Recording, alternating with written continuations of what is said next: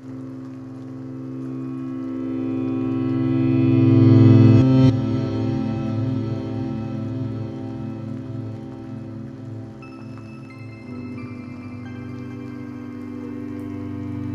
tidak mengerti bahwa ada banyak cerita di dalam diri setiap orang.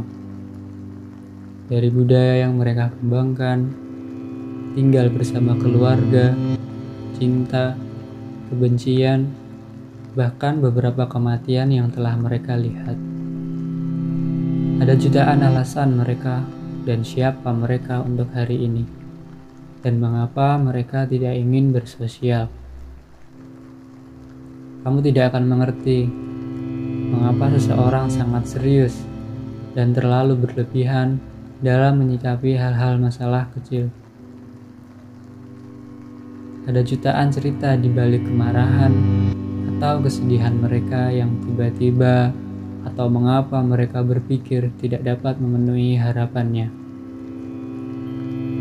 Ketika seseorang ingin dibiarkan sendiri, tolong tinggalkan mereka sendiri Jangan paksa seseorang untuk menjawabmu jika mereka suka menyendiri. Kamu tidak akan pernah tahu seberapa sensitifnya pada saat itu. Atau coba lihat bagaimana kondisi mental mereka. Untuk sekarang, sangat mudah untuk bercerita dan menyebarkan pengalaman ke seseorang. Hanya saja, apa yang tidak bisa tersedia sekarang adalah kedewasaan dan kebijaksanaan.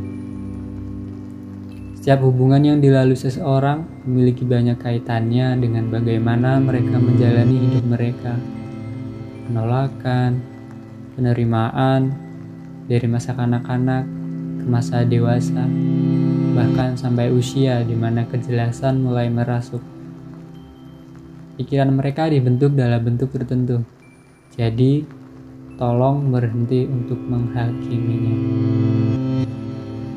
Satu-satunya cara untuk belajar tentang kedamaian adalah dengan tidak menilai gagasan orang lain tentang perdamaian.